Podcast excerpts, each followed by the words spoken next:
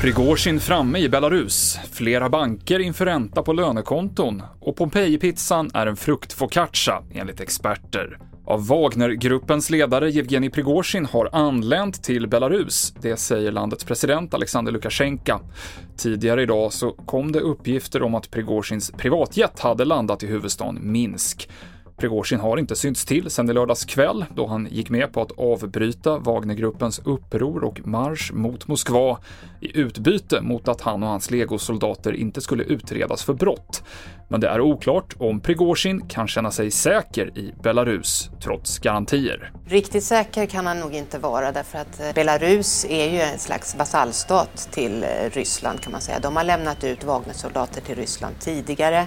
Skulle Putin av någon anledning ändra sig och vilja gå efter Prigozjin så, så skulle naturligtvis Lukasjenko inte sätta eh, käppar i hjulet för detta. Så vår kommentator Elisabeth Frerot. Det finns risk för bristande konkurrens och omotiverade prisökningar i livsmedelsbranschen enligt Konkurrensverket som har en pågående granskning.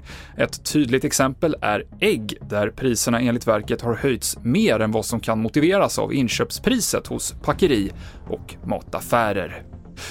Allt fler banker väljer nu att införa ränta på lönekontot. Efter Handelsbankens beslut så följer såväl Swedbank som Länsförsäkringar efter.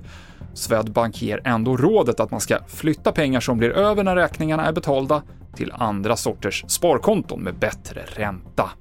Och en nyligen upptäckt freskmålning i Pompeji som ser ut som en pizza är inte det, enligt experter, som pekar på att tomat och mozzarella inte fanns i Italien när målningen gjordes för omkring 2000 år sedan.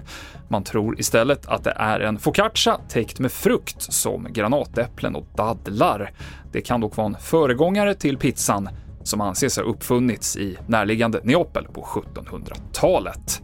Det avslutar TV4-nyheterna. Jag heter Mikael Klintevall.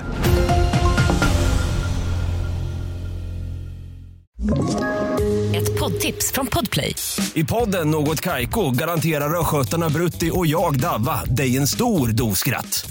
Där följer jag pladask för köttätandet igen. Man är lite som en jävla vampyr. Man har fått lite blodsmak och då måste man ha mer. Udda spaningar, fängslande anekdoter och en och annan arg rant. Jag måste ha mitt kaffe på morgonen för annars är jag ingen trevlig människa. Då är du ingen trevlig människa, punkt. Något Kaiko, hör du på Podplay. Därför är gardinerna.